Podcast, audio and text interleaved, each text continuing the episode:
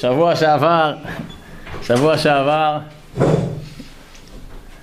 שבוע שעבר התחלנו סוף סוף לעסוק בתכלס, דיברנו על פרקים, הפרק השלישי ופרק הרביעי, נכון אמרנו שיש את ההקדמה, ההקדמה מיועדת לאבות והמחנכים, ומלמדים את הילדים, ואז היה פרק א' וב' שבעצם מבוא לעבודת התלמיד, ועכשיו, שבוע שעבר התחלנו סוף סוף לעסוק בתכלס, בפרק ג' לפרק ד'. אז בואו נעשה חזרה קצרה על פרק ג'. פרק ג', מה דיברנו? דיברנו שה, שהתלמיד, תסתכלו פרק ג', הוא צריך לחפש אחרי כל דבר שמונע ממנו את ההתקשרות לשם יתברך, או מונע ממנו לימוד תורה, ודיברנו על זה שיש פה, שיש פה איזשהו גדר סובייקטיבי. אין פה רק הצטמצמות לגדר, ה... לגדר ההלכתי, מותר או אסור, אלא עוסקים פה, צריך כל דבר, יכול להיות שהדבר הזה מותר, אבל מבחינתי, לדידי, זה מרחיק אותי מהשם יתברך, זה מונע ממני ללמוד תורה כמו שצריך, אז גם מזה צריך לעשות. אתם זוכרים? דיברנו ששבעת הפרקים הראשונים עניינם הם סור מרע, ומפרק ח' והלאה זה עניינים עשה טוב, דיברנו על זה כבר כמה פעמים בשיעורים הקודמים. ועוד אמרנו בפרק ג' שמי שלא מרגיש חיסרון זה הבעיה הכי גדולה, נכון? כי כל עוד יש לך כאב, אז אתה יודע שאתה בחיים. אדם שלא כואב לו, או שהוא מת, או שהוא מחוסר הכרה, כן? ולכן אם אדם יש לו חיסון הבעיה הכי מאוד גדולה. ואומר רבנו שגם, האדמו"ר אומר שגם אדם שכואב לו ולא מטפל בזה, וגם מי שלא כואב ולא מטפל, שניהם בבעיה מאוד מאוד מאוד גדולה. ולכן הסיכום של פרק ג' היה שכל תלמיד צריך לדרוש מעצמו גדלות. ואם הוא יתבע מעצמו גדלות ולא יצמצם למה שהוא חושב שאולי יתבע גדלות יותר, אז ממילא הוא כבר ימצא בעצמו את החסרונות וכל הדברים שמונעים ממנו להתגדל ולהתקדש בעבודת השם. ופה מדגישים שוב פעם את העיקרון של האדמו"ר, שעיקר המחנך של התלמיד הוא. התלמיד עצמו. זה בקצרה רגל אחת, פרק שלישי, פרק רביעי, שבו עסוק, עוסק האדמו"ר בגנות מחלת העצלות וההתרפות, נכון. ומעניין שדווקא כשהאדמו"ר רוצה לפתוח את העניין של סור מרע, הדמו"ר מתחיל קודם כל? עצלות. עצלות. ואמרנו למה? כי בעצם אם אדם, גם יש לו, יהיה לו עכשיו drive לכל דבר שטוב בעולם, אבל הוא יש לו עצלות, הוא עצל, מתעצל, אז מה זה יעזור? לכן אומר, לדעת האדמו"ר, הדבר הראשון שאנחנו צריכים לטפל בו זה המקום של העצלות וההתרפות. יש עצלות ויש התרפות. מה זה עצלות? עצלות זה לצורך העניין שאדם בכלל לא עושה כלום. שוכב במיטה בקרוון, היום בפנימייה, מיטה מפנקת, כן? ולא עושה כלום לצורך העניין. אבל ההתרפות, מה זה ההתרפות? בערך משל, הוא כבר קר, הוא מגיע לבית מדרש, מגיע לסדר בוקר, אבל אה, כמו שאמרת, בהילוך ראשון בקושי, הולך מכין קפה, נגמר מכין תה, פה מדבר שם, לא באמת משקיע את ראשו ורובו בלימוד. הוא נמצא, אבל לא באמת. אומר האדמו"ר, אף על פי שעל פניו, לכאורה הצל יותר חמור, למה? כי הוא בכלל לא הגיע לבית מדרש, נכון? אומר פה, אבל המתרפא זה יותר קשה. למה? כי אתה תלן, תנער אותו, תפסיק להתעצל. אבל המתרפא יכול לחיות בסרט, מה אתה רוצה לי בבית מדרש? אני כבר אויבד, אני דתי, מה אתה רוצה ממני? הוא אומר לו, לא. כל העניין, הוא כביכול כבר עובד, כל העניין זה לא לשחק אותה, והמתרפא משחק אותה. ולכן צריך לבדוק האם התלמיד צריך לבדוק באיזה דרבי, דברים אני מתרפא. האם רק כשמגיע לתפילה ותורה אני מתרפא או גם בעבודה? יש הרבה אנשים שהם תותחים בעבודה שלהם, בוסים, הם מוצלחים, אבל כשזה מגיע ללימוד תורה או שזה מגיע למקום של, תורה, של תפילה, מתפשרים, דיעבד פה, דיעבד שם, לא, אני יודע גדולי הדור, למה? למה בעבודה שלך אתה תהיה לך שם בנמדיו, מתנדב ראשון ויוזם, ותישאר שעות נוספות על חשבון השינה במשפחה, ובלימוד תורה ותפילה, לא, תסתפק במינימום, ברור שאמר אשרי ישתבח, תפילת ערבית ואור ארום, זה מרעד ושמו ערך, באמצע, לא, קראתי בסדר, הכל טוב ויפה, הקימת שפתיו אבי מעשה כמו שאומרת הגמרא. ולכן, מה הצעת הפתרון של האדמו"ר, אתם זוכרים בפרק רביעי? הפתרון הוא מאוד מאוד דומה לפתרון בפרק ג'. זאת אומרת שהאדם יכיר, התלמיד יכיר בגדלות שלו, וכמה הקדוש ברוך הוא שוקד על דלתותיו ורק מחכה, תגדל, תגדל ותהיה גנרל, כן, תעוף בחלל, שם שם, כן, הקדוש ברוך הוא רק יושב ומחכה, מתי? תפוס אותך בידיים ויהיה לך משהו כמו שצריך, תתגדל. ואז הגענו, יאיר, אתה שומע, למשל הפרח, למשל הנפלא, ואמרנו בעצם כמה, מה שנקרא, מה, מה, מה אשמת, מה אשמת הסנדלר הזה? כן, בסך הכל היה רעב. עסקה טובה, קח פרח, תביא לי לחם. כן, שלושה כיכרות לחם, בואנה, אתונות תמורת אה, מלוכה, סבבה, לא? אבל מה הייתה הבעיה? לו? כן, עכשיו הוא, הוא תפס את עצמו כאילו הוא סנדלר. לא איזשהו צדיק הדור שבידו מפתח של תחיית המתים. ואם הוא יודע את המקום הזה, בדרך כלל הצדיקים האמיתיים הם יודעים. עכשיו יש בעיה, אדם יכול לעוף על עצמו. כן, כן, אני צדיק הדור. על מי אתה עובד? בעיקר אתה עובד על עצמך, ובטח שאתה לא עובד את הקדוש ברוך הוא. כן, כמו שפעם היה מישהו דפק בדלת אצל, אצל רבי מרדכי אליהו זתוקה, לאביהם של ישראל ראשון לציון, שתיים בלילה דפק בדלת, רבי שואל מי זה שם? אני צדיק נפטר, עכשיו הייתה מורגלת שצדיקים נפטרים באים, אז הכניסה אותו, הרב בא, אומר לו אתה צדיק נפטר? כן, אני צדיק נפטר, אומר לו אתה כל כך נפטר, אתה יודע, אפילו הקדוש ברוך הוא לא שמע עליך, כן, זה צדיק נפטר, ככה אמר לרב מרדכי אליהו, כן, צדיק נפטר, לא מצחיק, סיפור עצוב. עכשיו, ברור, ברור, אני מניח שרובנו פה, ובתוכם אני, אנחנו לא גדולי הדור, אוקיי? כרגע. אולי בהמשך כאן, אני לא יודע. הקדוש ברוך הוא יעלה לו רוח מאורו, מי יודע. אבל, זה שאני לא גדול הדור, לא אומר שצריך להתחפשן. אני לא אדמו"ר, אבא שלי לא אדמו"ר, ובעזרת השם גם בהמשך החיים שלי אני לא אהיה אדמו"ר. זה אומר שאני צריך לזרוק? מה, רק מישהו בן של רבה צריך להת- להתאמץ בגלל שעוד 50 שנה הוא יהיה הרבה? רק בגלל זה? לא. ולכן, אני חוזר יותר פה לפסקה האחרונה אה, בפרק רביעי, ואתה, בחור ישראל, דואג אתה הרבה על העני הזה, שאיבד והפסיד את כל הקודש והצדיקים וביאת המשיח, ביד דבר של מה בכך, כן?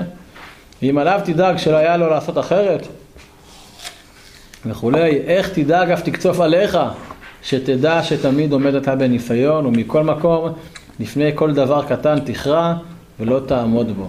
בידך להיות גאון וצדיק וכולי, ובמקום זה, ומה יועיל רצונך לבד שתרצה להיות יהודי אמיתי, אם תתעצל ותתרפא ולא תעבוד. איך אמרנו קזבלן? בשביל כבוד צריך לעבוד. אין אפס, אין חוכמות. עד כאן פרק שלישי ופרק רביעי, ועכשיו אנחנו מגיעים לפרק החמישי בסייעתא דשמיא, שעונה לכותרת איזה עצות פרטיות למתרפא. שימו לב שהאדמו"ר בוחר דווקא להתמקד במתרפא ולא בעצלן. קיבלת, יאללה, תפסיק להתעצל, תקום, תבעטו בו ויקום המיטה. אבל המתרפא זה כבר עבודה יותר קשה. כן, שאלה? עצות למתרפא. הפסקה הראשונה אומר לנו האדמו"ר שאנחנו לא יכולים להסתפק רק לרצון. מה הרב, הכל תלוי ברצון, כל אורות הקודש של הרב קוק הרצון, שיחות הר"ן של רבנו רצון, הכל משביע לכל חי רצון, אני רוצה, אני באמת רוצה. נו, אומר האדמו"ר זה לא מספיק. אדם יכול לעשות הרבה דברים, כמו כנר על הגג, לו הייתי רוטשילד, ומה יעשה? יא בה בה בה בה בה בה בה בה, כן, לו הייתי רוטשילד, אבל מה יצא לו מזה? האם הוא יהיה רוטשילד? אם אתה באמת רוצה להיות רוטשילד, מה תעשה? קח קורס במימון, במיקרו ומאקרו, תתחיל פה הלוואות, השקעות, תתחיל, אולי תתרסק, אולי תהיה רוטשילד, אני לא יודע. אבל בזה שתגיד כל היום, אני רוצה, בפורים תבוא לרב, הרב, אני רוצה להיות צדיק, נו, ואחרי פורים תקים בקרוון, בפנימיות, תקום בבוקר, כך כשמה בזמנה בעזרת השם, ותמשיך להיות בינוני, לא של חב"ד, בינוני. יש ברכה, יש ברכה ויש רצון. זה החילוק של האדמו"ר, נכון, שיש ברכה ויש רצון. אז בוא, בוא נראה את זה כמו שהבאת אותם פה יפה, נכון? איתן? זה לא מאיכות, כאילו, כן. זה לא מאיכות התלמידים. זה מצו וזירוז. נכון. מקום אחר של האדמו"ר. וגם אם לא, אז כמעט לדעתו, אשריך. אומר פה במיוחד, אומר, בטח שהתלמיד הוא עיקר המחנך של עצמו, אז יש פה את החילוק הנהדר שאיתן אמר לנו בין ברכה לרצון, אבל בואו נראה את זה כי בצו וזירוז, אני אקריא לכם את זה. צו וזירוז אות י"ד, אני אקריא את זה לאט. מי שירצה להסתכל צו וזירוז, מכירים צו וזירוז? יש בהכשרת האברכים בסוף צו וזירוז זה פרקי יומן של האדמו"ר. אנשים חושבים בטעות שזה הפרקי יומן שהוא כתב בשואה. חלק מהפסקאות כן, רוב הפסקאות לא נכתבו שם בזמן השואה. למשל יש הפסקה שהוא כתב ליום הולדת 40 שלו, אוקיי? אם האדמו"ר נולד בתרמ"ט, 89, אז כבר לפני השואה, כמה חודשים מהשואה, כבר בגיל, אה, סליחה, אה, כבר בתרפ"ט הוא כבר היה בן, אה, בן 40, אוקיי? עשר שנים לפני שהוא כבר היה בן 40, אוקיי? אז פסקאות ממהלך חייו, פסקאות מגוונות, דברים נפלאים ביותר, ואני מקריא לכם מצו וזירוז, אות י"ד. רצונך למוד את עצמך, כלומר למדוד את עצמך, ולדעת אם עלית או חס ושלום ירדת במשך שנה או שנתיים שעברו. אדם לומד עכשיו בישיבה, סיים תיכון, בא שיעור א' ב', לפני גיוס. הוא רוצה למדוד את עצמו עכשיו, רגע, הייתי פה עכשיו שנתיים בישיבה. התקדמתי, לא התקדמתי. מה הפרמטר? איך הוא ידע אם הוא התקדם? כמה מסכתות הוא סיים? אה, קראנו את זה. כמה חבר... קראנו את זה באלול, נכון, באלול למדנו את הפסקה הזאת, בשיעור השלישי. אז איך, אז איך הוא ידע? אומר האדמון, הסתכל ברצונך, אבל רק ברצונך ולא בברכתך. רגע, מה החילוק בין רצון לברכה? אומר פה האדמו"ר, כי רק הרצון שהאדם רוצה ועובד בגייה לבוא לאיזה דבר, רצון נקרא. ואם אינו עובד בו, אף אם רוצה הוא, אין זה רצון. רק מין ברכת הלב שמברך ומאחל לעצמו להישאר בזה הדבר. עכשיו לדוגמה, לו הייתי רוטשילד, זה רצון או ברכה? כן? לגור בדירת פאר, לחשוב שאתה מיליונר, לטעור אחר הצהריים ליד וכולי, כן? מה ההמשך של השיר? אשליות. נכון? כי זה אדם, מה שנקרא, לו יהי. כן, טם טם טם, וזה לא, זה, מה, מה זה ייתן לו? לו הייתי רוטשילד, הוא עשה עם זה משהו? הוא התקלט, מה שנקרא, הוא מייחל, הוא מאחל לעצמו שהקדוש ברוך הוא פתאום ישפיע, ילחץ הכפתור וישפיע עליו דולרים, שקלים שקלים עלינו נופלים, כמאמר הפייט, ומתוך כך, מתוך כך, הוא יהיה פתאום מיליונר. אבל תראה מי בעל הפיוט הזה, איך הוא נהיה מיליונר? עבד קשה, הקליט, עשה הופעות בכל הארץ, חתונות בר מצוות וכולי, נהיה מיליונר, בסדר? אתה, זה החילוק בין, בין רצון... העלמות מס פה ושם. כן, כן, אה, העלמות מס. שלא נדע, לא, אל תשפטו, שלא נדע. אז מה, מה המקום הזה? רצון, וזה משפט מפתח של אדמו"ר, רצון שווה, רצון פלוס, רצון אמיתי שווה רצון פלוס, שמחובר לעשייה, או לתכנון של העשייה, תוכנית עבודה. אבל אם זה רק רצון שלא מתפרט בשפה הקבלית, זה רק ברמת המוחים, בגימל ראשונות, הוא לא מגיע לזין תחתונות, למידות הבניין, לתכלס, אם הרצון לא מתפרט לתכלס, אז זה לא רצון. אז זה לא, הייתי רוטשילד. ומה קרה לו בסוף? הוא היה רוטשילד? לא, נהיה בסט סלר, כן, טוב יהיה חולה וכנראה על הגג, אבל הוא לא, לא נהיה רוטשילד. וזו נקודה מאוד מאוד משמעותית. עכשיו תחשבו כל דבר, אני רוצה להיות גדול הדור. נניח מי שרוצה. אני רוצה להיות צדיק. אני רוצה לסיים את המסכת בזמן אלול. לסיים את המסכת שבת צלם עובדים, נכון, בבקיאות. זה 156 דף, נכון? אני רוצה לסיים 155, רוצה לסיים אותם עד סוף זמן חורף. אז זה לא מספיק שאני רוצה, אלא עכשיו צריך לראות איך אני בסדר עם החבות הבוגרת שלי, החבות הצעירה שלי. אני לא מתבטל, אני לומד כמו שצריך. אני גם מבין, אני עושה חזרות, כי לא אגיד, טוב, עשיתי סיום, אלא כמאן דמנח בכיסא, שאני ממש זוכר את המסכת, מה בכל דף, מה עיקרי הסוגיות, ראשונים, אחרונים, כאילו, עם בקיאות, לפחות מה רש"י אומר, לדעת את זה, כמו שצריך, אבל שאני אדע. העני למשל, הרוצה שתהיה לו פרנסה, רצון הוא. למה? כיוון שגם עובד היה קם בבוקר, מניין פועלים, כן? מה שכתוב, ואישי ישראל ותפילתם, מהרה באהבת קבל ברצון, חוץ פרנסה, בסדר יש לו יותר, ואז רץ לעבוד. אבל הרצון שיש לו שימצא מציאה של אלף אלפי דינר זהב, כן, שהוא יזכה בלוטו, זה לא רצון, מה זה? זהו רק ברכה שמברך ומאחל לו להתעשרי, ולא רצון. אין יש לכל איש ישראל רצון שיהיה צדיק, אבל זהו רק ברכה שמברך לעצמו שישכים בבוקר, ואף לבפלה, אשתי היקרה, את לא אשתי, את פתאום הפכת להיות רבצן, ואני לא בעלך, אני מה? אני כבוד קדושת. הרבי מטטריס, לא משנה, תקראו לו, you name it, תמציאו שם. הרבי מקרוון 20, תבחרו. וימצא את עצמו צדיק, ואתם צוחקים, מחסר אדמו"רים בדור שלנו שקמו בבוקר, אני הרבי, בחודש הוא עיירה באירופה שאף אחד לא מכיר, ברומניה או בזה, ואני עכשיו הרבי מ...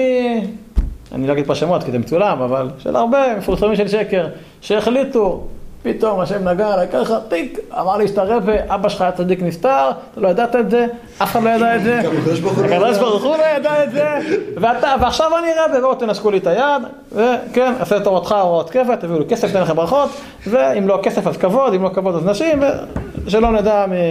שלא נדע, לא, ככה עובד לצערנו, שלא נדע. לא זכיתי להכיר כאלה. מה? ברוך השם. יותר מדי. כן. ורק המדרגה ומצב הקדושה שאדם רוצה ועובד לבוא אליה, זהו רצון באמת. אין מתנות חינם, מתן זה שקר. גם אם אדם עכשיו יש גילוי אליהו, לצורך העניין.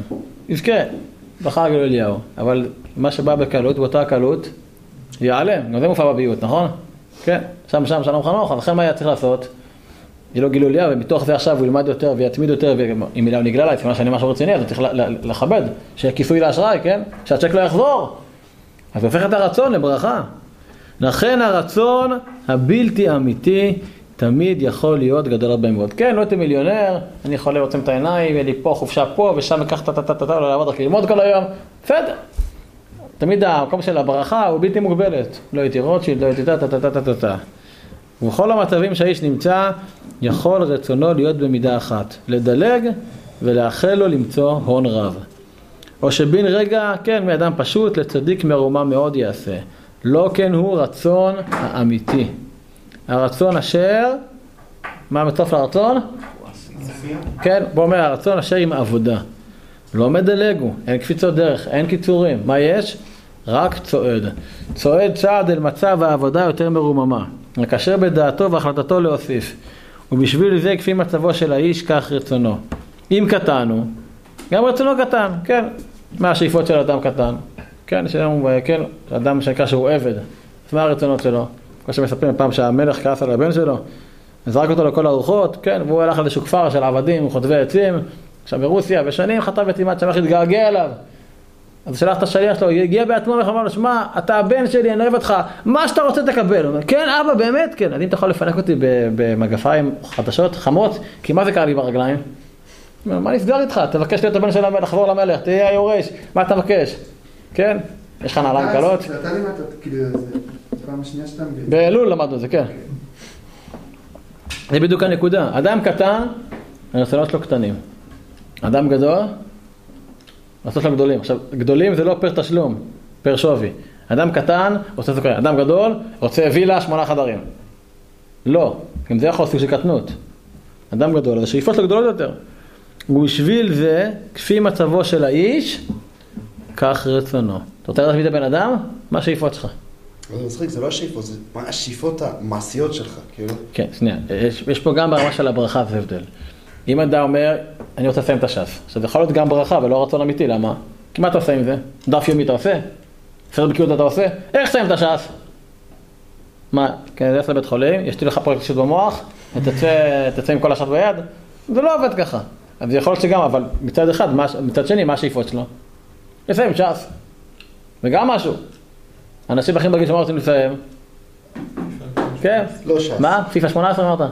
כן, זה כל אחד וה... ודברים אחרים. אז עצם זה שזה השאיפה שלו זה גם משהו, אבל זה לא רצון אמיתי. עדיין נבחן באמת לגבי הרצון האמיתי, כלומר הרצון שהוא מצרף לו עשייה, פעולה, עבודה. ומעתה אם הוצאת לבחון את עצמך וללמוד את- ולמוד, כן, לתת כמות, לכמת את מצבך, הסתכל ברצונך. מה רצית לפני שנה או שנתיים, ומה תרצה עתה. אם שווים הם, הוא ישתרע ונגד- ונתגבר רצונך, וזה האות שגם אתה בו עכשיו עלית. אדם סיים י"ב, סיימתם י"ב לפני כמה חודשים, נכון? חצי שנה, שנה. מה היו הרצונות שלכם? עכשיו מגיע אדם סוף שיעור א', סוף שיעור ב'. מה הרצונות שלי? בעבודת השם, לצורך העניין. הם מקומות יותר גבוהים, אני מקווה, מאשר מה שרציתי בסוף כיתה י"ב. נחשפתי לעוד ספרים, לעוד תורות, לעוד אנשים, לעוד חוויות. יכול יש לך הרבה דברים. אדם מדמיין לו בתיכון איזה בית הוא יבנה, מי תהיה אשתו, ואיך הם שולחן השבת שלהם, ואיך יחנו את הילדים שלהם. פתאום אדם מגיע לישיבה, נפתח לעולם רוחני, אולי אני רוצה אישה קצת בצורה אחרת יותר, או לחנך את הילדים שלי בצורה אחרת, כאילו, איזה בית אני רוצה. זה, זה מקום אחר לגמרי, זה משליך על כל הדברים. עכשיו, אם זה סתם פנטזיות, זה פנטזיות, בסדר גמור. אבל אם מחבר בהתאם לרצון, אוקיי, אז אני צריך, אז אני צריך לחפש אישה שהיא מהטייפ הזה, מהסוג הזה. שרוצה בעל שישב וילמד, רוצה בעל שיעבוד, זה לא משנה, אבל כאילו, שקובע עיתים לתורה, אני בוחר, לפי זה אני, אני מפרט וגוזר את זה לעשייה. ולכן תמיד צריך לזכור, כשאומרים פה על בפרק חמישי בתחילתו, על מה הם עצות למתרפא, אז הכל תלוי ברצון. איך אומר פה?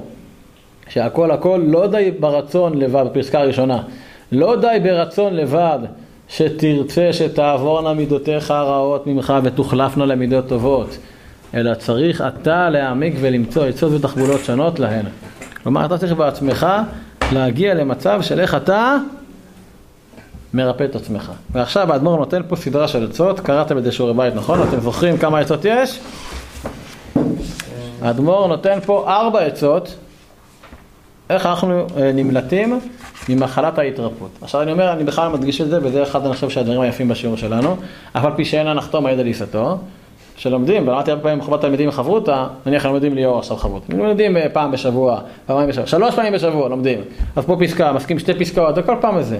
יש עניין ללמוד עכשיו פרק בשבוע, ואז בשיעור לסכם את זה עכשיו נבין, אוקיי, זה הבעיה של, ה, של ההתרפות, עכשיו, למה יעשה? מה אומר האדמו"ר? ויש פה עכשיו נתנו פה ארבע עצות מאוד מאוד פרקטיות, כדי שזה יהיה רצון אמיתי, מה אמרנו זה רצון אמיתי? שאיפה פלוס עשייה.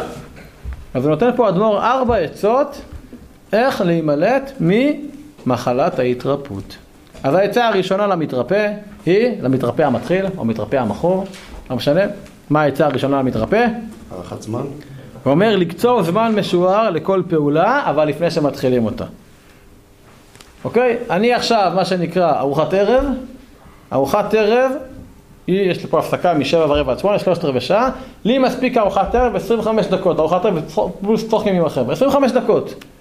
זה אומר שב-7.40, התחלתי ב-7 ורבע, טיימזאפ נגמר לארוחת ערב. ועכשיו מה יש לי מ-7.40 עד 8? יש לי עוד זמן, לא יודע מה אני אעשה איתו, לא משנה. אבל אני עכשיו אתהפך העולם, אני קובע לי זמן. לארוחת הערב אני מקדיש 25 דקות. עכשיו אומר פה, אל תקבע זמן. היום אני לומד גמרא. אומר, לא. חלק מהעניין של, של, של, של קביעת הזמן, לקצור זמן משל לכל דבר, זה לחלק את היום להרבה יחידות קטנות. ניתן לזה אה, דוגמה. למה זמן עדיף על הספק? אני לא שומע.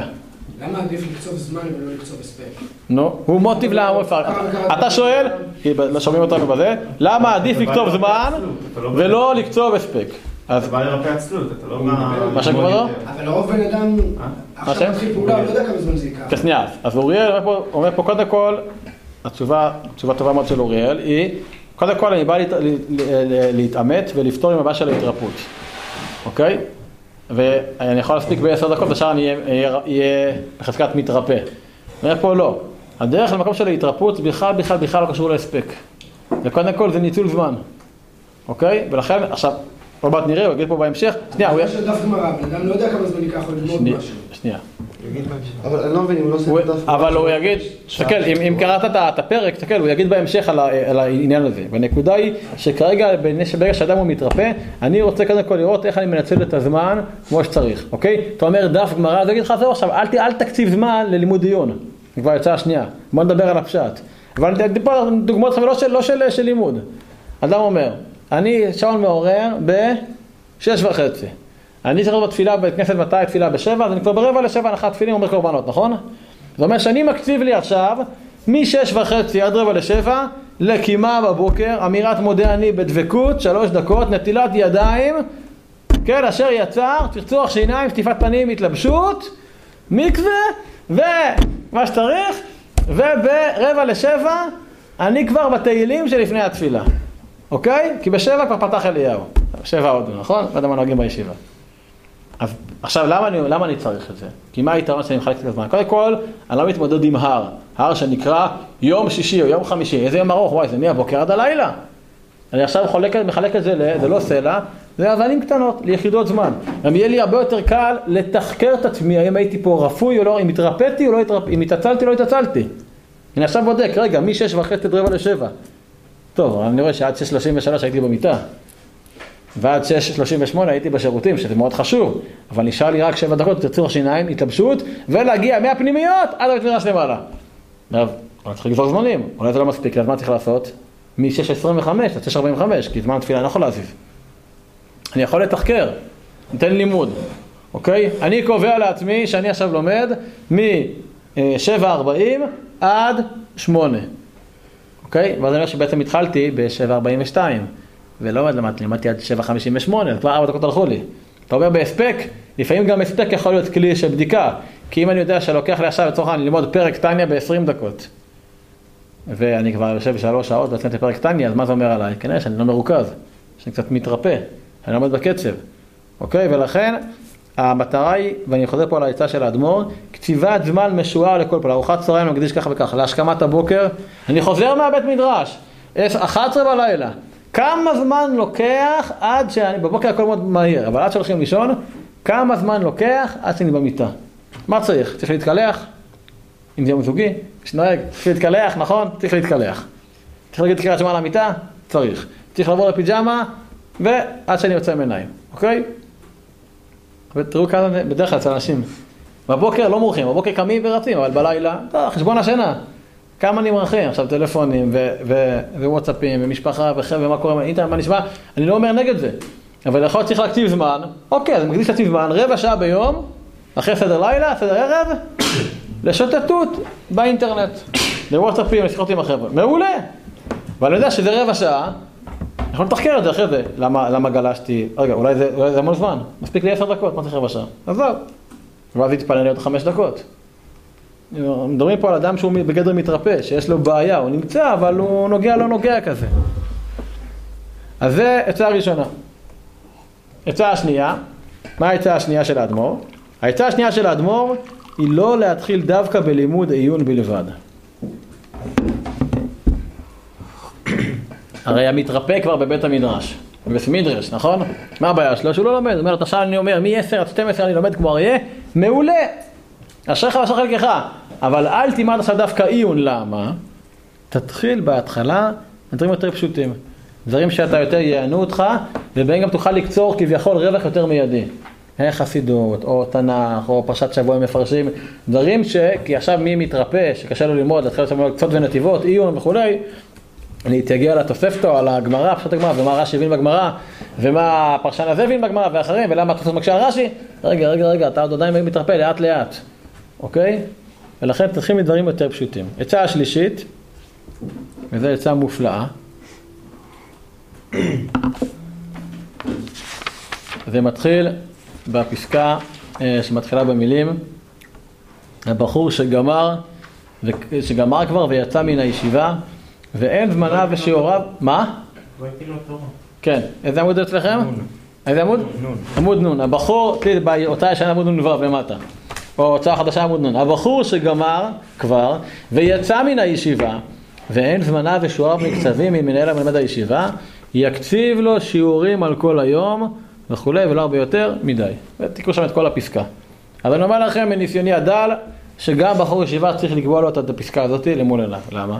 זה מה שנקרא לימודים יומיים. אדם קובע לעצמו גם שהוא בישיבה, שיתהפך העולם. כל יום הוא עושה פרק תנ"ך. דוגמה, פרק טניה, או דף יומי, או שני פרקי תנ"ך. עכשיו מה העניין? מה, לא, מה, מה, מה העניין, מה העניין בנקודה הזאת? כי אם אדם, אם אדם... השיעור מתועד, חבל להשקיע בשטויות.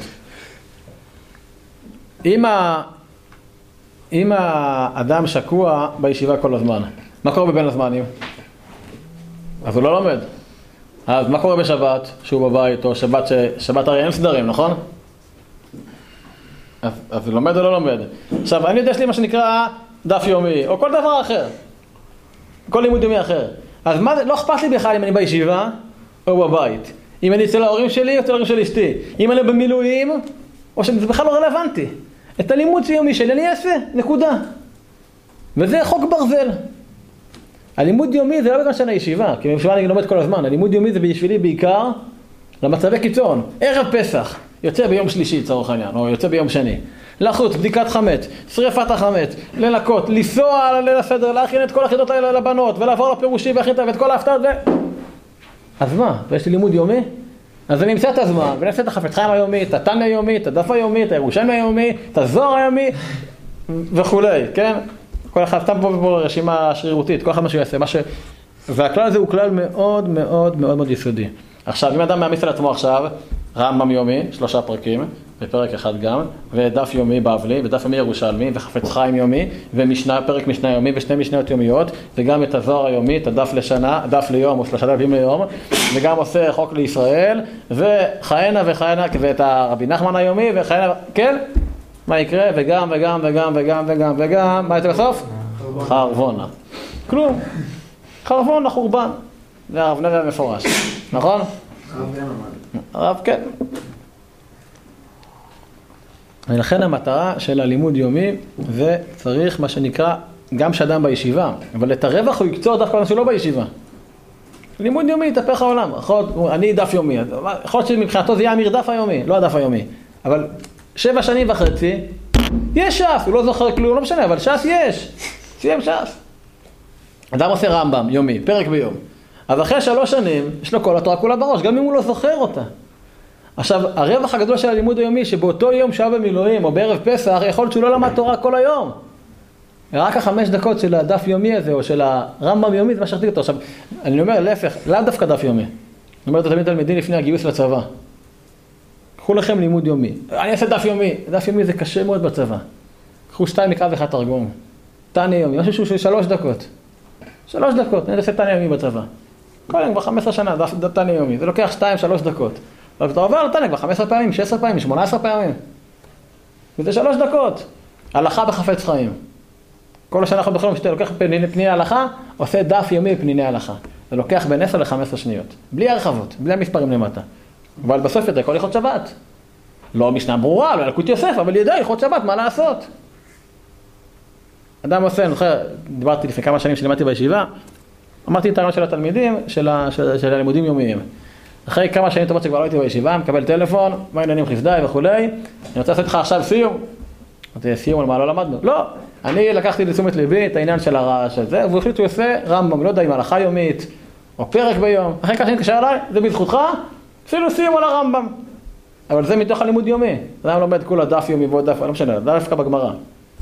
כל דבר אחר. קחו, עכשיו רבי נחמן יומי. כל יום עושה פסקה. תמציאו לעצמכם, אבל משהו שאתם אוהבים אותו. עכשיו, יש לימודים שאני אוהב אותם כי, אני, כי זה מחיה אותי. לימודים שצריך. האם תנ"ך, פרק באיוב, מחיה אותי כמו פרק בשמואל? כנראה שלא, אבל יהודי צריך לדעת תנ"ך, נכון? אז אני מחליט שאני עושה פרק תנ"ך יומי, ומסיים את זה תוך שלוש שנים. מחליט שאני עושה שני פרקים ביום, תוך שנה וחצי וקצת פחות, עושה את כל התנ"ך. מחליט שאני עושה מה שנקרא חפץ חיים הלכה יומית, אז ייקח שנה שניים ואני מסיים את זה. כי זה חשוב לדעת ללכות לשון הרע, לפתח מודעות לדבר הזה. ולכן המפתח בלימודים יומיים זה להיות ריאלי. לא לקפוץ מעל הפופיק.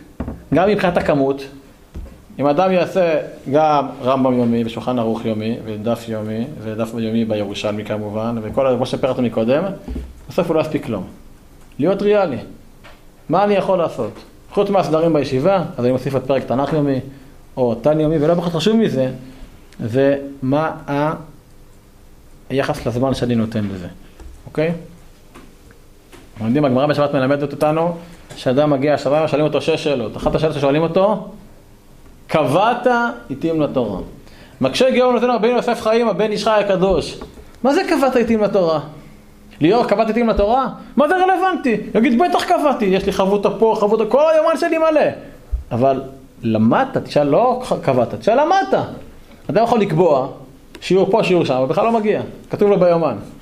לכן שואלים, קבעת עיתים לתורה. כן, כן, לא שואלים למדת, שואלים קבעת. אם זה קבוע, אם זה חשוב לך.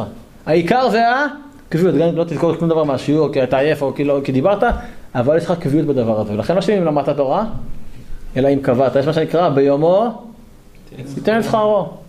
כן, אברהם זקן בא בימים, אומר הזוהר, שאם כל יום ויום, כל יום ויום ובא, והעיד על הקדוש לפני הקדוש ברוך הוא, תראה, אברהם עבד אותי, אברהם למד תורה ביום הזה, עשה מצוות, עשה חסדים. ולכן חשוב מאוד להשקיע לא רק מה אני לומד לימוד יומי, אלא איפה, באיזה חלון זמן אני שם את זה. דוגמה, אני מחליט שכל יום אחרי התפילה אני עושה תהילים. דוגמה, חמש דקות תהילים, ואז כל ראש חודש אני מסיים תהילים. מכירים את החלוקה של תהילים? חמש דקות לא יותר מזה. עכשיו, אחרי התפילה זה נהדר אם אני לומד בישיבה, כי אז יש לי ארוחת בוקר. אני חוסך בארוחת בוקר והולך לזה. ואם אדם הוא עובד, ואחרי התפילה הוא חייב לרוץ כדי להוציא את הבנות לגנים, לפני שהוא מאחר לעבודה, או בדרך לעבודה, אז יכול להיות שאחרי התפילה זה לא הזמן שטוב לו, למה? כי אחרי התפילה הוא כבר מוריד תפילין בשיר של יום ורץ לעבוד, לאוטו ולא אחרי האוטובוס. אז טוב, אז בוא נעשה תהילים לפני התפילה, אבל קשה לקום בבוקר. אתה יודע מה, בוא נעשה ככה. אחרי ארוחת צהריים, אני עושה תהילים יומי, לפני ברכת המזון. או, זה פתרון טוב, כי כל יום אני אוכל צהריים. סתם, לחשוב לא רק מה אני רוצה ללמוד יומי, אלא מה חלון הזמן שהוא הכי ריאלי ליישם ולהגשים את זה. ניתן דוגמה. כשאני רוצה לסיים ספר, באמת, שהוא חשוב לי, אז יש לזה חלון קבוע. מה החלון? לפני השנה. אמרנו, תפילה, לפעמים אין לי זמן לפני התפילה. בדרך כלל אין לי זמן לפני התפילה. אחרי התפילה, גם אחרי אין לי זמן. אז מה יש לי חלון קבוע? אני כל יום ישן. אל תגלו, אמרנו מתועד, כל יום אני ישן. עכשיו, גם כשהייתי בצבא מילואים, אז אני ער כל הלילה, אבל בבוקר אני אשן. אז בבוקר זה, לפני השינה, עם הבוקסר ועתיד עם הפיג'מה, יש לי לימוד יומי, זה כבר הרבה מאוד שנים, בגיל 15, לימוד יומי לפני השינה. עכשיו, ברור שלפני השינה, זה כנראה לא יהיה בדיוק המחלוקת בין רב שמעון רב חיים בהבנת הגמרא, בהבנת הרמב"ם. לא, כי זה כבר אתה עפוץ לגמרי, אבל זה יכול להיות מה? יכול להיות איזושהי הלכה יומית, פשוטה, יכול להיות רמב"ם יומי פשוט, יכול להיות ספר חסידות או ספר סיפורים חסידיים. כל לילה סיפור אחד, סבב אחרי שנה, כל הרב זאב כבר גרסת. פסקה ברב הוג. משהו שהוא, אבל, אומר, אומר, אומר כתוב בפסוקים, קובץ עד ירבה. עוד גרגיר ועוד גרגיר, בסוף אין לך פה ארגז לכל מענה. לכן אני ממליץ לכם בחום על החלון של לפני השינה, קבעו לכם ספר, משיבת נפש, נורמל, השתפכות הנפש, קחו אורות התשובה, איזושהי פסקה, או אבל צריכים סיפורים חסידיים, לא משנה מה. ספר אחד, או רמב"ם, או כל דבר אחר שאתם רוצים, או תנ"ך, והתהפך הלאה לפני השינה, אתם עם הפיג'מה כבר, עם הבוקסר וה, והחולצה הגזורה, לומדים לפני קריאת שמע. עכשיו יכול להיות ש-90% תתאפצו, אבל בסוף ייקלט משהו, מתוך, מתוך, תקראו 100 סיפורים, תזכרו 10 סיפורים, נו, לא תקראו סיפורים, לא תקראו סיפור, נכון? אם מתוך כל האלף פרקים של משנה תורה, תזכרו רק עשרה פרקים, אבל לא תלמדו רמב"ם, גם את העשרה פרקים האלה לא תדעו. ולכן המעלה, ואני חוזר פה, מה, מה שמדריך אותנו האדמו"ר בעניין של הלימודים היומיים, זה לחשוב טוב טוב טוב מה אני בוחר ללמוד, אם זה, אם אני עכשיו בישיבה, אני רוצה מה שנקרא דברים חשובים ללמוד אותם, כמו גמרא, הלכות, דברים כאלה, אם אני מחוץ לישיבה, בצבא, בזמן העבודה, מה מחיה אותי, מה שייתן לי חיבור, העיקר שלי לימוד תורה, זה דבר אחד, אז לחשוב מה אני לומד, והדבר השני, לא פחות חשוב, מתי אני לומד את זה? קביעות, קביעות, קביעות. עם דף יומי, פעם זה אחרי התפילה, פעם אחת, פעם, בסוף מה יקרה? אני אשכח. צריך שיהיה, כן, קבוע. כל קבוע, כמחצה על מחצה דמי, אומרת הגמרא, נכון? קבוע זה, זה כמו 50 אחוז. זה לא צחוק, זה, זה דבר גדול. יש פה קביעות. ולכן תחשבו, אני אומר, הלכה למעשה, מי שיעשה את זה באמת ירוויח הרבה. להחליט מה הלימוד היומי שלו. וגם שהוא בנופש עם אשתו או עם הגברת, וגם שהוא בצבא, במילואים, גם שהוא תורן מטבח או בשמירה, יתהפך העולם, הוא ימצא את הזמן ליומיים שלו חוק ולא יעזור. ביומו תיתן שכרו. אדם, מה שנקרא, אשתו ילדה, בסדר, סבבה, אבל הדף היומי רץ. מה אכפת שתהיה במילואים? מה, אני אמרתי לשמור דף יומי, חלילה. אז הוא יודע שהוא צריך למשל לצמצם בסדר הזה, או לעשות ככה, או לישון פחות, ימצא את הזמן. הדף היומי זה משהו לא תלוי בי. אשתי ילדה, לצורך העניין, ברוך השם, אבל כולנו, ברוך השם. ילדה לפני, ברוך השם, זה לא, לא ילדה עכשיו, אוקיי? ילדה לפני שנה. אז, אז ברור שיום הלידה, זה שלידה ונסיעה, בסדר, אז לא למדתי דף יומי, לצורך העניין, דוגמה. בעיה שלי, הדף היומי למחרת, התקדם, זה לא מעניין. הייתי בעתניאל ביום כיפור, איפה דף יומי? שום בעיה, בעיה שלך, אנחנו ממשיכים לרוץ. אז תעשה בוא ט' בערב, תעשה ערב הכיפור שתי דפים, או למחרת תעשה שני דפים, או שלא יודע, בהפסקה בין מוסף למנחה, תעשה דף יומי. מה לעשות, אין הפסקה, מה עושים? תמצא את הפתרון. זה עניין של ה... אוקיי, לא הספקת? אז תשלים. אומר פה אדמו"ר, אבל עושה חילוק. האם לא הספקת בגלל שזרקת, או לא הספקת כי לא הבנת את הסוף והתעמקת ולכן בסדר. אם לא הספקת כי, כי, כי לא הבנת זה בסדר, אבל אם לא הספקת כי זרקת או לא יצאת את הזמן הראוי, אתה צריך להשלים. זה גם יכול קצת להתחבר להתרפסות, איך קראת לזה? התרפות? ההתרפות, שכאילו, אה, השקעתי, לכן אני לא הצלחתי. לא הבנתי את השאלה שלך. ההשקעה גם יכולה להגיע ממקום של... אה, אני לא, לא למדתי את ההמשך כי פשוט השקעתי בדבר האחרון, זה פשוט מגיע מאותו מקום. לא, לא הבנתי, מה זאת אומרת? סתם. בגלל, למה, כי כאילו הוא לומד ולא מצליח ומתייאש? לא, שאני אומר, זה קצת תירוץ לעצמי, לא, השקעתי בתוספות אתמול, לכן אני לא למדתי היום. אה, אתה אומר כאילו, אה, אתמול עשיתי, סד... הייתי ער כל הלילה, אז יש לי עכשיו תירוץ למה לזרוק בסדר בוקר. איך אמר, שאלו פעם אותו שמעת על אוירבך. כן, הרב אוירבך, ראש ישיבת כל תרה, שאלו אותו מה, מה הסגולה בלימוד תורה כל, הלילה. הוא אמר, מי שלומד תורה כל הלילה זה סגולה ל- לעייפות בסדר בוקר. אמרו לו, אבל חוץ של חסד, כן, כתוב כל המטרה בלילה, חוץ של חסד משוך לו. אז הוא אומר, הוא מגיע לשחרית, הוא מתאפץ על הסטנדר, ואז יש לו פה חוץ של חסד כל היום. כן, זה לא היה זה של הריד? מה? זה לא זה של הריד? לא יודע, אולי זה הדבקות. אני לא, אני מכיר עם ה... אני, יותר- נוח לי עם החוץ של חסד, אני יותר, יותר, יותר מסודר. ולכן, תסתכלו בעמוד, אה, זה עמוד נ"ז למטה, אומר פה, פסקה שמתחילה אולי התחילה בנ"א, טוב שתכתוב לך על נייר, כן, איזה עמוד אצלכם? נ"א. טוב שתכתוב לך על נייר את סדר כל היום. עכשיו, זה שיעורי בית תנסו. זה מופלא ביותר. לא מערכת שעות שטוב, אני לומד בשמונה ורבע עם זה, עם ראובן, בתשע ורבע עד 12 עם שמעון, אחרי זה שיעור עם- של הרב עם יעקב, עם הרב יעקב, אלא, לא, אלא כל דבר. תכתוב לך נייר את סדר כל היום. למשל, בבוקר בשעה זו אני קם. בשעה זו כבר לבשתי, נטלתי את ידיי, עד קריאת שמע בקריאת התורה. כמה זה? חמש דקות? כאילו, ברמה, ברזולוציות האלה. אפילו, אתם יודעים מה? תעשו חלקי. מרגע ש... לא, לא, לא, מרגע שהגעתי לקרוון, מרגע שהגעתי לפנימייה, הסתיים השיעור, הסתיים הסדר, הגעתי, נכנסתי לחדר עד שאני כבר אחרי קריאת שמע ישן יוצא מעיניים. מקלחת, צחצוח שיניים, עבר לפיג'מה, טלפון לגברת, וואטסאפים של החבר'ה מהסניף ומהסיירת, פה ושם, קצת חדשות, מה קורה, מה נשמע, לימוד יומי במיטה כמו שאמרנו, אוקיי, 18 דקות, 25 דקות, אם זה יום זוגי צריך לחפוף, אז 27 דקות, לא משנה, עושה מרכך, כל אחד מהדברים שלו, בסדר. אבל, אבל תפרטו את היום ליחידות זמן, ואז, ואז אתם תראו, אתם תראו כמה הזמן לא מנוצל. פתאום תראו שלארוחת ערב לא צריך שלושת רבעי שעה, אני יכול להסתפק ב-25 דקות, ופתאום מ-7.40 עד 8 יש לי עוד זמן. עכשיו זה לא חייב זמן ללימוד תורה, יכול להיות להירדם, לעצום, לאגור כוח לערבית, יכול להיות עוד לימוד אחר, יכול להיות טלפון, אז אני אעשה טלפונים הביתה, אז אני אבדוק חדשות, אז אני אעשה פסיכומטרי, אז לא משנה מה. אבל אתם פתאום תראו שמהחלון הזמן שנקרא ארוחת ערב, יש לי, יש לי הרבה, הרבה יותר זמן. תפרטו את זה ליחידות משנה. ועד שיש לי הרבה לו"ז אני יכול לתחקר כל יחידה. טוב, איך עבר היום? היום הייתי עצלן. לא, רגע, שנייה. בבוקר דווקא הייתי בסדר, כי קמתי בשש וחצי, וכבר שש וחצי הייתי בבית מדרש, כמו שלמדנו. אבל בערב, עד שהגעתי פה ושם זה, ודיברתי בטלפון, ואחרי דיברתי עם החצרם שלי, ופה ושם. אני לא אומר שזה רע, אבל אתם יכולים, לה, יש, יש פה מדדים. אפשר לעבוד ולבקר, אני ממליץ לכם בחום, תעשו את זה, אפילו לחלק מהזמן, אתם, מה שנקרא, תראו ברכה בעמלכם בצורה מוחשית מאוד.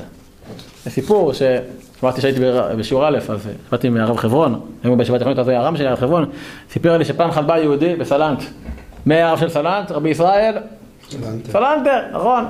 אומר לו, רב, רבנו, שמע, אני, הוא היה זה, יש לי רק חצי שעה ביום ללמוד תורה. מה ללמוד? ללמוד הלכה, כל השנחות בכל יום, כן, תחשוב על הבא, ללמוד אה, גמרא, מה ללמוד? הוא אומר לו, תלמד מוסר. הוא אומר לו, מוסר? מה הקשר? הוא אומר לו, תלמד מוסר, ואז תראה שיש לך הרבה יותר מחצי שעה ביום, אוקיי? זה סיפור ידוע לרבי ישראל סלנטה, שאומר פה, רגע, אתה אומר חצי שעה, ברגע שתנהל לו"ז קבוע וזמן מסודר או מותאם, הוא הולך כל יום בלו"ז שלו, אינו דומה לו"ז של יום שישי, שזה יותר מערכת חופשית, ליום חמישי. אינו דומה מוצ"ש, מוצ"ש בישיבה זה זמן הפקר. עכשיו אני לא אומר, ת- ת- ת- תגדירו בלו"ז, זה זמן לכדורסל, מעולה. אבל שלא יהיה צו לצו, קו לקו, כמו שאומר הרב ראם, כן, בשם הנביא, כן, מרב סיניגרי, תמיד זה צועק את זה ככה, נכון, בעל מדעי הרום השליטה. שלא יהיה צו לצו כאן, נו, פרה ולא, ש- שנדע מה אני עושה. נקפץ לעמוד הבא, ופה הוא בדיוק יצא, כן, שאלת שאלה, ההספק, כן, או הכמות או האיכות. אז בעמוד עם פסקה רבה, בכל יום תביט ברשימה שלך של היום, אם לא חסרת אתמול מה, ואם נאנסת וזנחת, ואז אם מפני התרשלות זרקת על עצמך, חס ושלום זנחת, תצטער, ואז ביום השני, תאמר מיכאל, ביום השני תשלים את שחיסת ביום הראשון. אבל אם רק מפני שלמדת איזה עניין קשה, ואמרת רגע, תוספות, נביא פה, נראה פה גם את המערם שיף, או נראה איך המהרש"י והנה תוספות, כדי להעמיק בזה, בסדר, פעם שמעתי מהרב יעקב, על איזשהו, לא יודע, במשפחה שלהם, ש... שאיזשהו, שרב שלמד 12 שנים, ישב על תוספות אחד במסכת גיטין. כל היום למד במסכת גיטין, כל רגע, מנסה להבין, אחרי 12 שנים, הגיע לפתרון. אבל כל יום בסדר, קצת. אז אם זה לא הספקתי בגלל שהתעמקתי, בסדר גמור. אני מזכיר לכם, מה המטרה של כל הלו"זים האלה? שאני לא אהיה מתרפא. אז אם אני התעמקתי, לא, לא התרפאתי פה. אבל אם זרקתי, וחצי מהחברותה, בכלל הייתי עסוק בספורט חמש, כי יש היום מכבי מול חימקי, והפסידו כבר ביום שלישי, צריך לראות מה קורה, היה פה חיוכים. על- על- על- על זה, מה? רק כל אתה- פעם אנחנו לפני משחק של מכבי. מתגלגלים כל פעם, כן. אז זה- זה- זה כן. אז זה, לא בסדר. לא של נגד מכבי חלילה, אבל זמן לימוד, זמן לימוד, זמן ספורט, זמן ספורט, אין שום בעיה עם זה. ולכן נגיע פה לפסקת הסיכום של, ה, של, ה, אה, של הפרק. פסקת הסיכום היא בעצם היא אומרת לנו ככה, שבסופו של דבר מי שמתרשל, מי שמתרפא, אז הוא מנוון הרבה, הרבה מכוחות הנפש, הנפש שלו מתנוונים. והמטרה של ניהול לוז והדרישות הגבוהות שאנחנו מציבים לעצמנו, הם אדם שהוא מנוון, פיזיותרפיה, התחיל להרגיל לעבוד עם השרירים. אדם שנמצא בירח, נכון? בתחנת חלל, אסטרונאוט חוזר למטה, הוא לא יכול ללכת, נכון? כי הוא לא היה כוח גרביטציה, השרירים לא עבדו. צריך להחזיר לו פיזיותרפיה, איך שהוא יתרגל לעבוד על השרירים. אז זה המטרה של ניהול הלוז, לחזור ולעורר את החלקים בנפש שהיו, התנוונו בשל ההתרפות. אז אני מסכם ארבע עצות למתרפא. עצה ראשונה, לקצוב זמן לכל פעולה לפני שאני מתחיל אותה.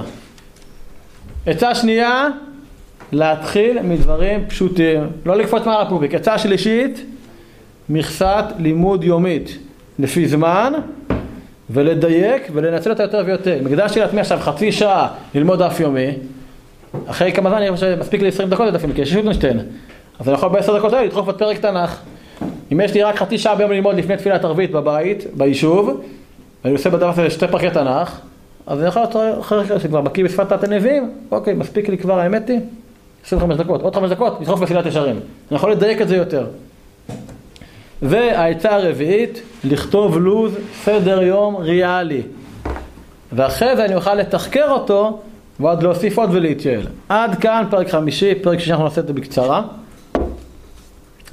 ובעצם עכשיו סגרנו את כל העיסוק בעצלות והתרפות, ואתם רואים פה את הסגנון של, של רבנו האדמו"ר, שזה כבר לא תיאורטי, שהספר כבר הופך להיות מאוד מאוד פרקטי, מעשי.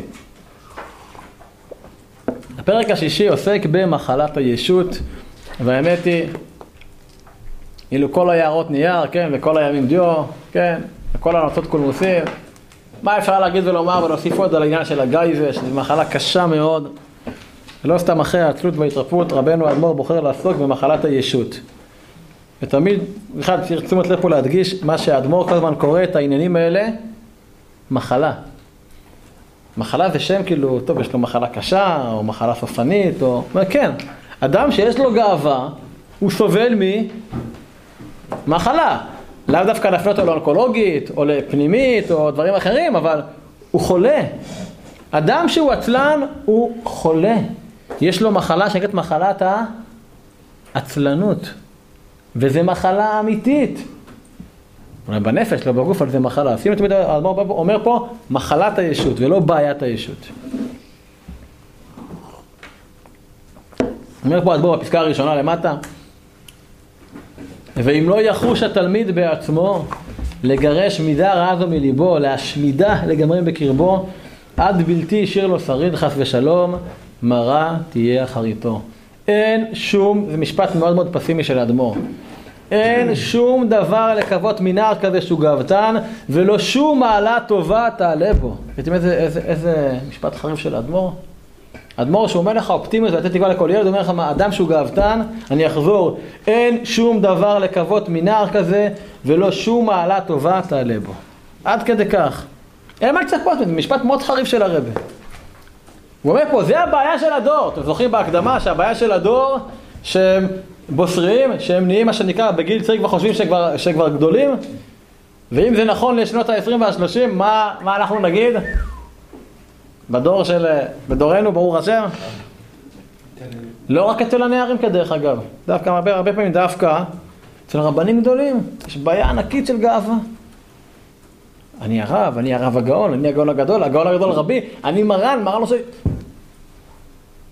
הרי בסך הכל, מה, ממה אדם מתגאה? עיקר הגאווה שאדם מגיע, זה קשור פרשת השבוע, זה בתורה שבעל פה. כל תורה שבעל פה מוצאה בעשיו, נכון? כל התנאים, תלמידים של רבי עקיבא, רבי מאיר, מה זה רבי עקיבא?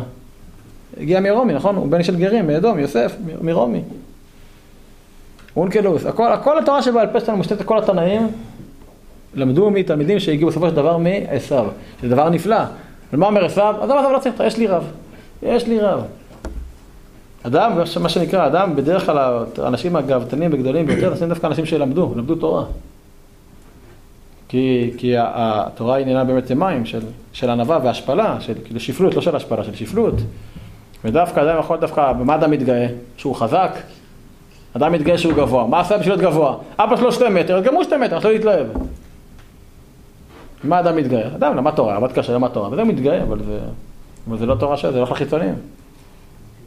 שימו לב שדווקא העניין הזה של הגאווה, בשונה אולי מדברים של עצלות או התרפות, אין הרבה מבוגרים שהם עצלנים. צריכים לעבוד, צריכים להביא כסף הביתה. אבל יש הרבה אנשים שהם באמת, באמת גם גדולים, גם מה שנקרא של למדנים, יודעים כל התורה כולה, אבל התורה היא פלסתר, התורה שלהם היא להתגאות. כן, אני סיימתי ש"ס, אני סיימתי, אני, אני, כן, אדם בא לרבי מקוצק, כמו שמעתי מהרב נרל לפני הרבה שנים, רצה להתקבל.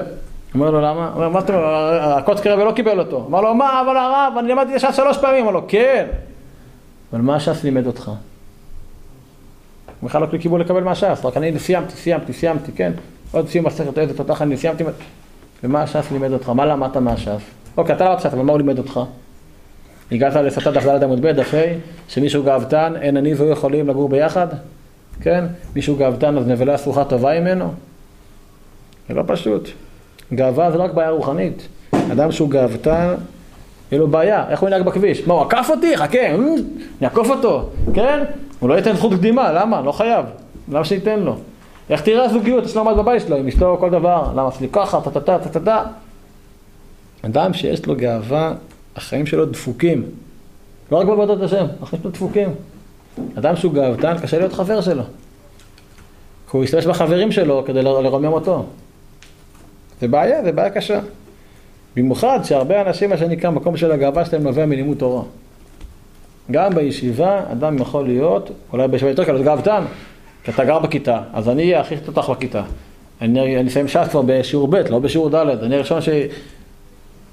ישיבה זה מקום מאוד מדיד. מגיעים חבר'ה בשיעור א', לא מכירים את זה. מי מתבלט, מי לא מתבלט. כל אחד בדרך שלו.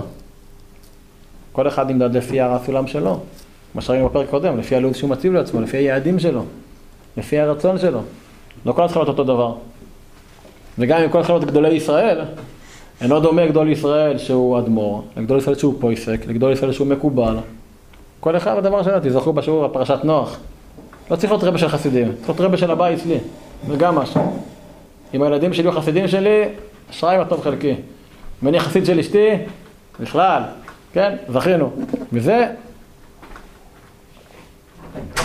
וזה עבודה. לכן, אני לא כל כך מוצא לנכון לקרוא מהפרק הזה, אלא בצורה פשוטה, שאדם יבין באמת, באמת, באמת, באמת אבל, שגאווה זה באמת מחלה. מחלה נוראית. מחלה נוראית, מישהו גאוותן, הוא לא שמח. וגם שהוא שמח באמת, הוא לא שמח באמת, כי זו שמחה חיצונית, כי הם מלקקים לו, זה, או השמחה שלו על חשבון אחרים. חבל, אין, אין, אין, אין מילים לתאר את ה... למה הוא לא מביא פתרונות מעשיים כמו... רגע, רגע, רגע. למה? יש עוד.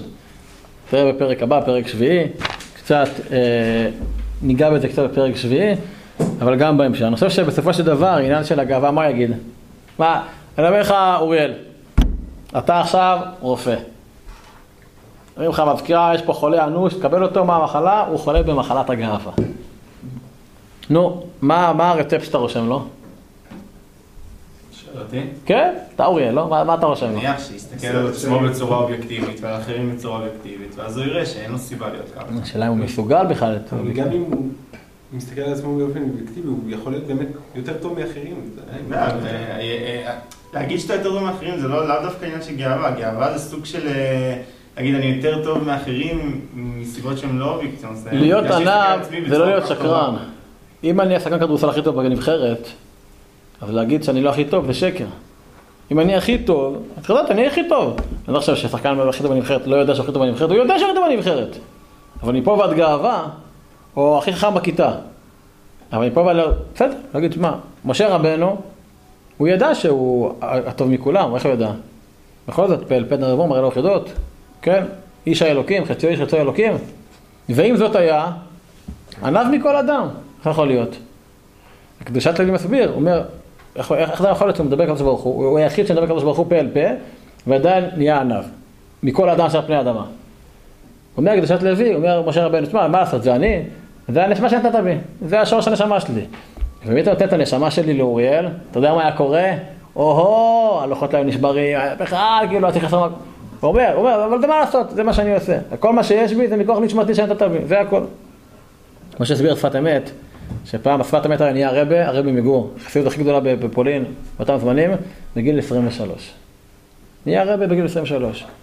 רבה למאות אלפי חסידים. עד היום גורים הכי גדולים.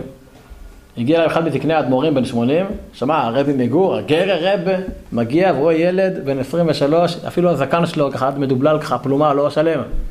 הוא אומר לו, אתה, קינדר, ילד, אתה רבה, קינדר רבה. הוא אומר לו, אגיד לך משל, אדם רוצה להגיע להר הכי גבוה שבכל העולם, הר האברסט, לפסגה. אה, שלוש שנים חדר כושר וקונה ציוד והכשרות, אתה ומתאמן על הרים נמוכים יותר וגבוהים, עד שבסוף אחרי עשר שנים של אימונים, עולה, מגיע, שעה של טיפוס, מגיע לאברסט, מגיע למעלה, מה הוא רואה שם? ילד בן שלוש משחק סטנגה עם חבר שלו. אומר לו, איך הגעתם לפניי? הוא אומר לו, אנחנו לא הגענו, אנחנו נולדנו פה. רק אומר אמת, אני לא הייתי לעבוד 80 שנה כזאת רבה. פשוט הנשמה שאבא שלי הוריש לי והסבא שלי, אז אני לא התחיל להגיע, אני פשוט נולדתי פה. אוקיי? וזה מצד אחד הוא יודע, שפת אמת יודע, כן, אני על ראש הפסגה. אני צדיק הדור. אבל אני לא צריך לעבוד קשה בשביל להגיע לזה, פשוט נולדתי פה. אבל זה לא פותר את כל הבעיות, כי ברור. נכון, לא פותר. יש גם דברים שעשית בחיים. ברור, ברור, ברור, ואם השפת אמת לא היה עובד עצמו, הוא לא היה בראש הפסגה. זאת אומרת, גם להחזיק בה. לא יותר, לא פחות קשה מלכבוש את הפסגה, זה גם להחזיק בדבר הזה. נראה את זה בשיעור הבא, על אברהם ויצחק. אברהם ייסד את האמונה באל אחד. שהתפקיד של יצחק זה לא לחדש, אלא להתמיד. אבל כוח ההתמדה זה הרבה יותר, הרבה יותר קשה מאשר הכוח של ההקמה. זאת אומרת, טוב, הוא מקים, אז יש לו פריבילגיה של ההתחלה, יש קשיים. אבל להמשיך ולקיים את זה, זה כבר דבר יותר גדול. אה, בעזרת השם. שבוע הבא, ככל הנראה בעזרת השם אני לא אהיה פה, מסיבות אחרות. עד שיעורי בית, פרק שביעי. פרק שביעי ו... שעה שמיני. שמיני זה כבר ענייני עשה טוב, אל תשכחו. פרק שביעי, פרק שמיני. בסדר, פייר.